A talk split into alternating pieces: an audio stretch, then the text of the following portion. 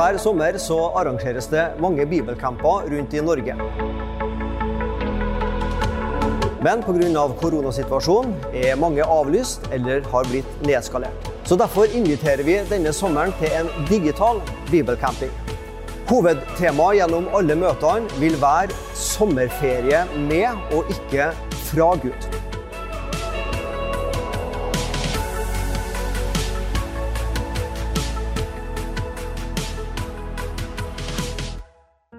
Velkommen til denne digitale bibelcampingen fra Norsk Luthersk Misjonssamband og Norea Mediemisjon.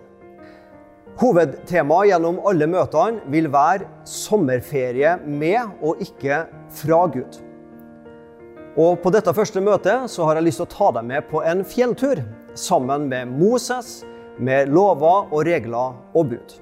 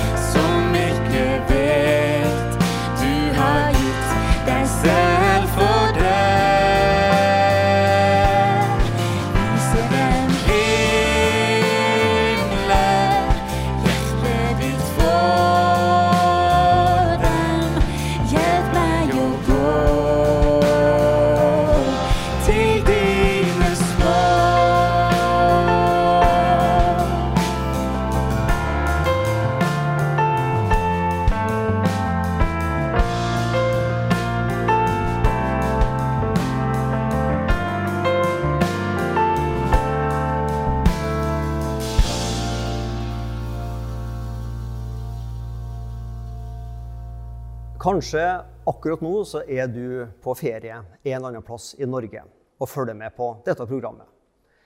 Og ferien 2020 ble for noen litt annerledes enn det man hadde tenkt. Men for de fleste av oss er det kanskje en bilferie. Vi er kanskje ved stranda, ved sjø eller på en fjelltur. Hva vet jeg. Men i alle fall, når vi er ute og kjører, så er det ulike trafikkregler vi må forholde oss til, heldigvis.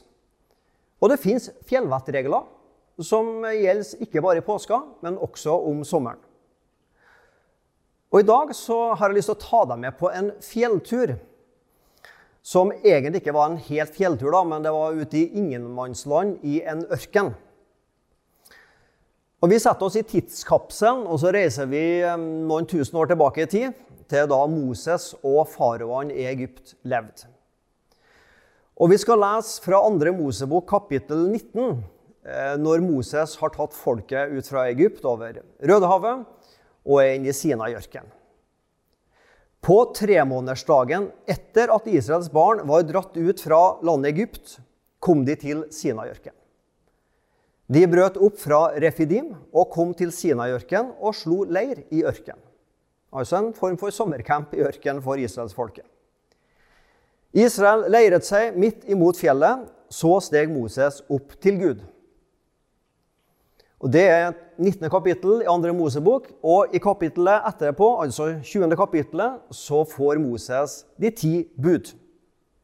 Om å ikke drepe, ikke stjele, ikke lyve, hedre far og mor din, og ikke ha lyst på det som naboen din har, sånn at du begjærer alt de ting og tang som naboen din har. Ja, mange gode bud. Hvis du har vært på et kristent, eller det kan være også et ikke-kristent leirsted, eller på en offentlig campingplass, så finnes det jo alltid regler. Hvordan vi skal oppføre oss, hva som er forbudt å gjøre. Hvorfor lager campingeieren eh, regler og bud for campingplassen? Hvorfor er det alltid en god del ting som du ikke har lov til?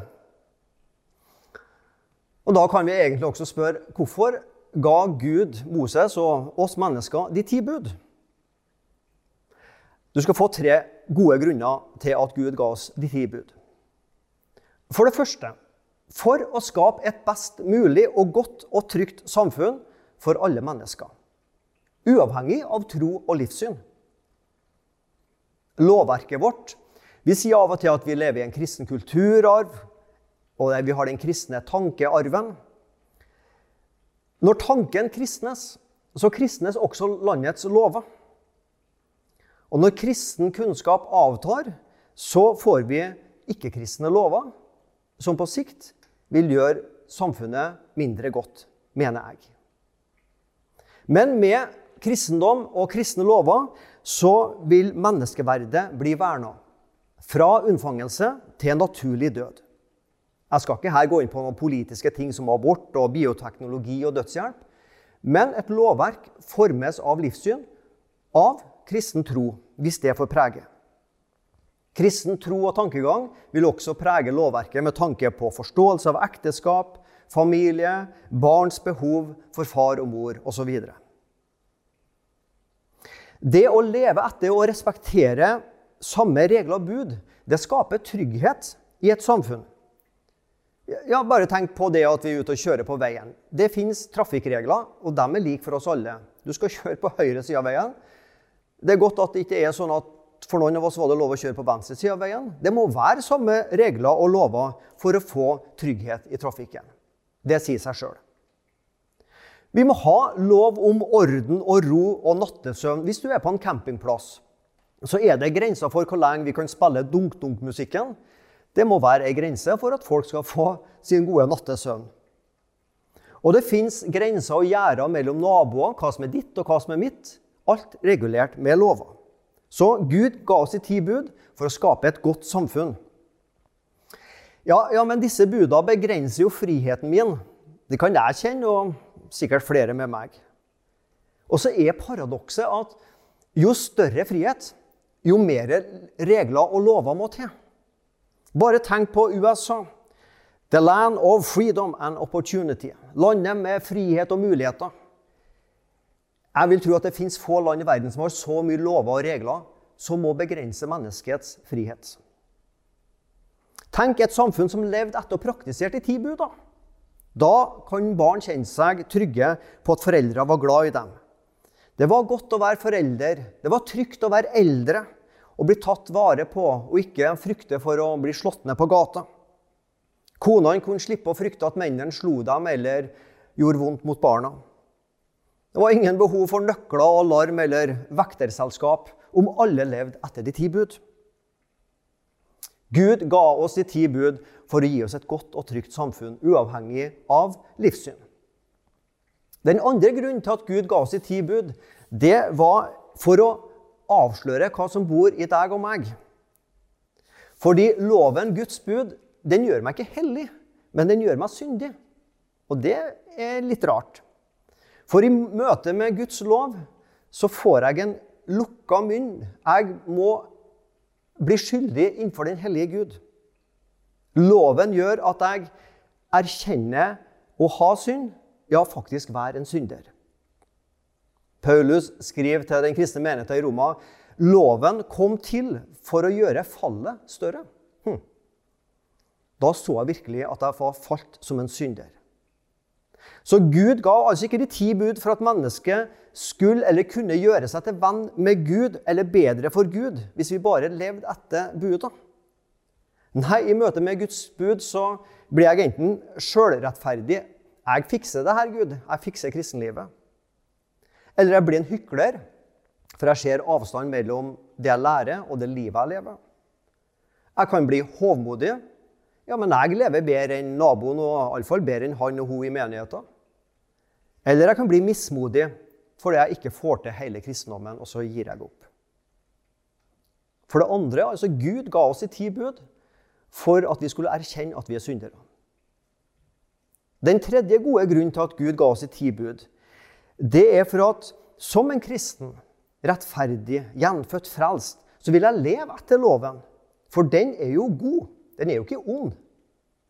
De verdiene Den hellige ånd kommer med inn i hjertet til oss kristne, er de samme måte, verdiene og reglene som de ti bud. Slik sett så samsvarer loven og Den hellige ånd, fordi de er Guds vilje, begge to. Men loven har sine begrensninger. For noen år siden så var jeg eh, utrolig nok, jeg var sikkerhetsvakt eh, som en sommerjobb en par somre på et sånn eh, verft som bygger ting til oljeinstallasjoner. Svære plattformer på tusenvis av tonn. Og Gjennom mange måneder så hadde sveisere, rørleggere og ingeniører, andre fagarbeidere, jobba med denne oljeriggen som skulle ut i Nordsjøen. Og Det var spennende den dagen når den skulle på en lekter og følge med, for da hadde jeg vakt, faktisk. Så jeg sto og så på når disse heisekranene fikk denne eh, riggen opp på, på, på lekteren, også ut i Nordsjøen. Det var spesielt. Så snakka jeg med en av disse arbeidsformene og så spurte jeg, disse heisekranene her, hvor mye kan de heise? Jo, den kan heise så mange hundre tonn osv. osv. Det var noen enorme store tyngder som disse kranene kunne heise opp. Og Så ble jeg gående og tenke på disse kranene de sto ved sjøen. Og Så kan du ta den samme heisekrana, som nettopp har løfta en svær koloss på flere hundre tonn. Så kan du ta den samme heisekrana og ta kjettingen og gripetaket og senke det ut i havet. Og så drar du opp. Hvor mye vann får denne heisekrana eller denne kloa med seg opp fra vannet? 100 tonn? Nei, ett tonn, kanskje? Én kilo? Nei, faktisk kun noen få dråper. Så denne krana som nettopp har løfta gedigne mange hundre tonn, får altså med seg bare noen få gram med vann. Hvorfor da? Hvor ligger feilen hen? Problemet er jo ikke krana, men problemet er vannet. Fordi det ikke er hold i vannet. Det er ingenting å holde fast i. Det glipper. Det er ikke hold i vannet. Og Dette syns jeg er et godt bilde. Fordi Guds lov det er som heisekrana. Ingen feil med Guds lov. Men ta den samme Guds lov og senk den ned i oss syndige mennesker sitt hjerte. for å løfte oss opp til Gud. Det går ikke. Er det noe feil med Guds lov? Nei. Men det er feil med hjertet mitt og ditt, for det er ikke hold i det. Det er ingenting å holde her som kan løfte oss opp til Gud. Paulus han sier det slik til romermenigheten, og dermed til oss alle. Det som var umulig for loven, fordi den var maktesløs pga. menneskets onde natur, eller kjødet, som det også står, det gjorde Gud. For syndens skyld sendte han sin egen sønn i syndig menneskers skikkelse og holdt dom over synden i vår natur. Romerne 8. kapittel. Det som var umulig for loven, ikke fordi det var noe feil med den, men den kan aldri makte å løfte et menneske opp til Gud, for det er ikke hold i oss til å gjøre oss hellige for Gud i vårt eget. Problemet er min syndige natur, kjødet, som det også kalles. Og Guds redning, eller min og din redning, da, det er jo vår redning, Guds løsning, ble ikke å prøve å forbedre vår syndige natur. I stedet så ordna Gud sjøl med problemet ved å sende Jesus Kristus som vår frelser. Det gjorde Gud, skriver Paulus til romerne. Og Jesu død oppstandelse, det er det hold i. Jesus soningsdød, det holder for din og min frelse, og dermed for Gud. Israelsfolket var på vandring i ørkenen. Fra Egypt til Kanans land. Og De hadde altså slått leir ved Sinai-fjellet. Kanskje en sommerbibelcamping, for alt vi vet. Og Her fikk de da altså utdelt et sett med regler og bud. Et veikart til det gode liv. Sammen med hverandre og sammen med Gud. Men, og det er et stort men, de ti bud kunne ikke klare og gjør syndere rene og rettferdige for den hellige Gud. Noen dager, uker før dette her, så hadde de også slått leir. Um, og da var det en sommerleir ved sjøen. Men um, det var ikke tid for fisking, surfbrett eller kanoturer for israelittene den gangen.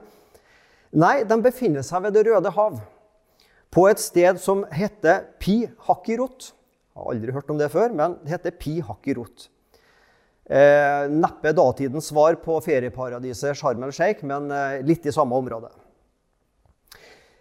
Egypterhæren kommer etter israelittene.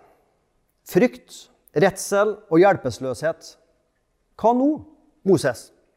Vi har ingen reiseforsikring. Og faktisk en returbillett tilbake til slavetilværelse i Egypt det virker mer fristende enn å dø her ute i ørkenen. Andre Mosebok kapittel 14. Da sa Moses til folket.: Vær ikke redde. Stå fast, så skal dere få se at Herren frelser dere i dag. For slik som dere ser egypterne i dag, skal dere aldri se dem mer. Herren skal stride for dere, og dere skal være stille for ham. Herren skal stride for dere, og dere skal være stille for ham. Hold deg i ro ikke kommer for å gjøre deg god nok for Gud. For det blir du og jeg aldri. La Kristus kjempe din kamp for å bli frelst. Og evangeliet, det er han har kjempa den kampen og stridd mot Guds vrede og dom over synden på Golgatas kors. Det er bare opp til oss å være stille, men samtidig gi lyd fra oss i takk og lovprisning over at Jesus har frelst oss. Det gjorde Gud. Halleluja og et lite amen. Skal vi be sammen? Herre Jesus Kristus, vi takker deg for at vi har Gamle testamentet som forteller oss gode historier til lærdom. Takk for eh, de ti bud, sjøl også når eh, det avslører meg som en synder. Men takk for å ha gitt det til det beste for samfunnet, for å avsløre oss som syndere, sånn at vi må søke frelse og for å ha noen gode bud og regler å leve etter som kristne. Amen. I løpet av denne digitale bibelcampingen så har jeg også tenkt å gi deg noen små B-vitaminer som du kan suge på gjennom sommeren. Ja, gjerne resten av året også. Og bare veldig kort en liten B-vitamin i dag. B for Bibel. Få ting kan skape så mye dårlig samvittighet hos oss kristne som hvis det blir spørsmål om bibellesing. Spørsmål om bibellesing. Hvor mye leser du i Bibelen? Og, uh, ja, du kjenner den der dårlige samvittigheten.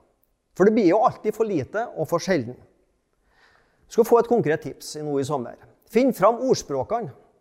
Har 31 kapittel. Så i stedet for at du tenker 'Hvor slutta jeg sist å lese i Bibelen?' og 'Hvor skal jeg starte?' den? Nei, ja, I dag er det jo 13. Ja, det er 13. juli, ja. ja. Men da leser jeg kapittel 13 i ordspråkene. Når kommer du til 31. juli, så leser du kapittel 31. Så du liksom følger datoen, følger kapittelet. Da kan du liksom ikke gå feil eller gå deg bort. Et veldig konkret og godt tips. Og Det handler også om å bli kjent i andre deler av Bibelen enn dem vi til vanligvis leser i. Våre favorittsteder. Prøv oss litt fram i andre steder, f.eks. ordspråkene.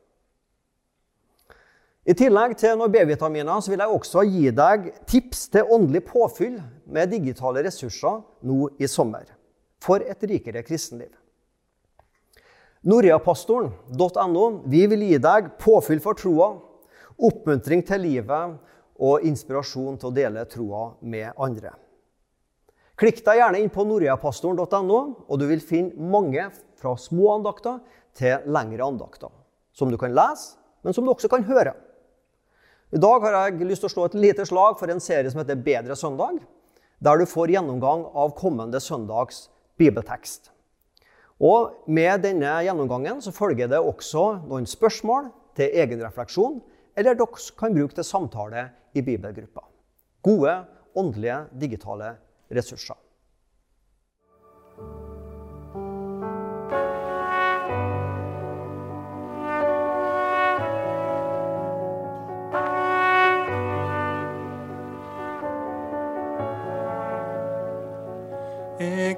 Ikke finne min verdi i ting jeg eig og styrka mi.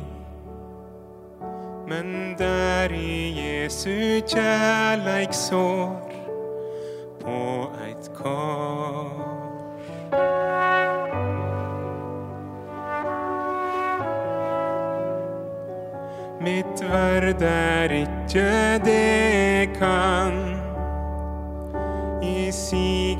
sigertap, i stoltheit, skam. Men der i Kristi blod som rann på eit kors. Jesus, du er all mi glede, dyre skatt du, kjelde for mi sjel. Stole på di frelse, mi sjel kan bære møttast her hos deg.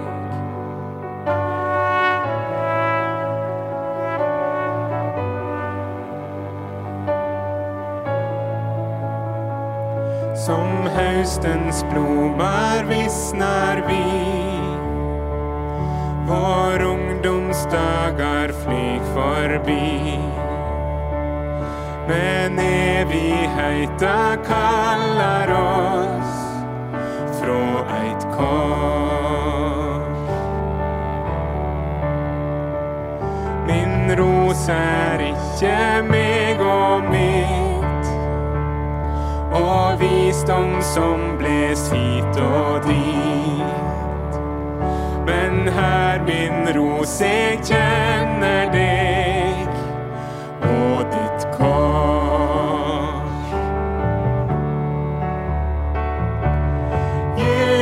Jesus,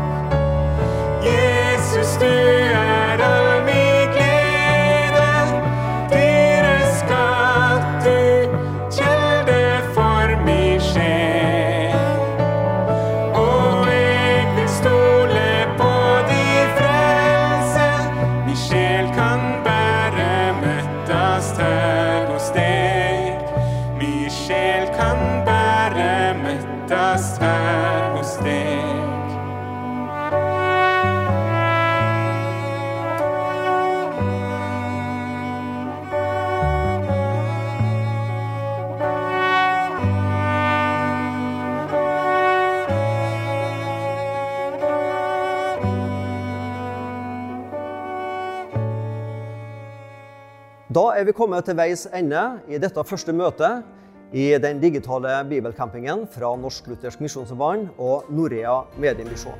Så kjekt at du har vært med oss denne lille timen. Sommerferie med Gud og ikke fra Gud er temaet som vil gå igjen i alle møtene denne uka her. Vi skal avslutte med å løfte blikket litt, og vi tar med oss et lite glimt fra et av misjonsprosjektene som Norsk Luthersk Misjonssamband driver. Takk for i dag.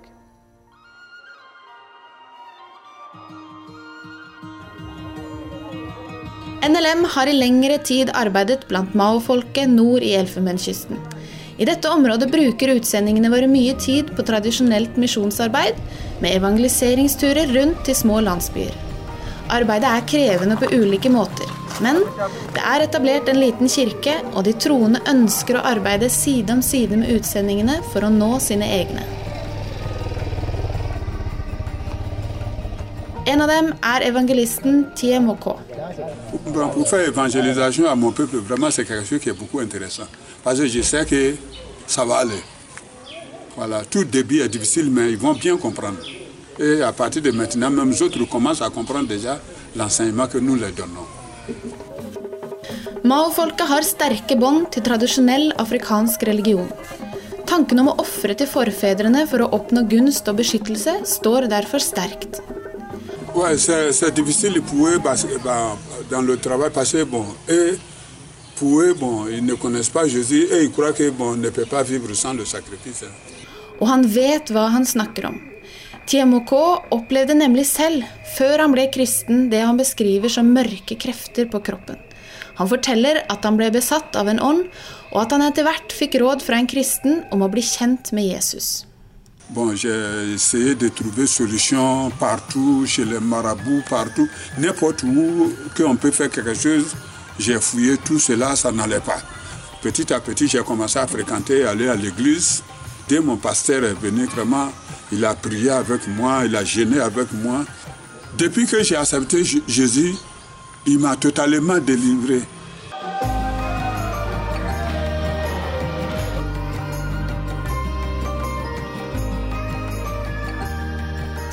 Soileman er pastor i menigheten her og reiser mye rundt og bygger relasjoner. Han har sett fremveksten av kirken i området på nært hold. Vraiment, nous sommes vraiment heureux que la mission vienne ici parce que je vois que nos parents vraiment sont vraiment, vraiment, vraiment perdus. Donc la mission est venue ici vraiment pour venir nous aider à retrouver le bon chemin qui mène à la vie. Bon, si il devient chrétien, parce que c'est pas facile pour eux, parce que les gens les abandonnent, bon, le rôle pour nous, c'est d'être avec eux, pour les soutenir. Voilà, pour ne pas que la personne va se sentir totalement abandonnée. Mais si nous sommes avec eux toujours, ça leur donne beaucoup de force. en attendant qu'ils vont se retrouver dans la vie spirituelle. On doit s'aimer, mais c'est lui qui arrose. Il sait qu'un jour, cette population Bapin vraiment va se retrouver, va sortir dans le noir.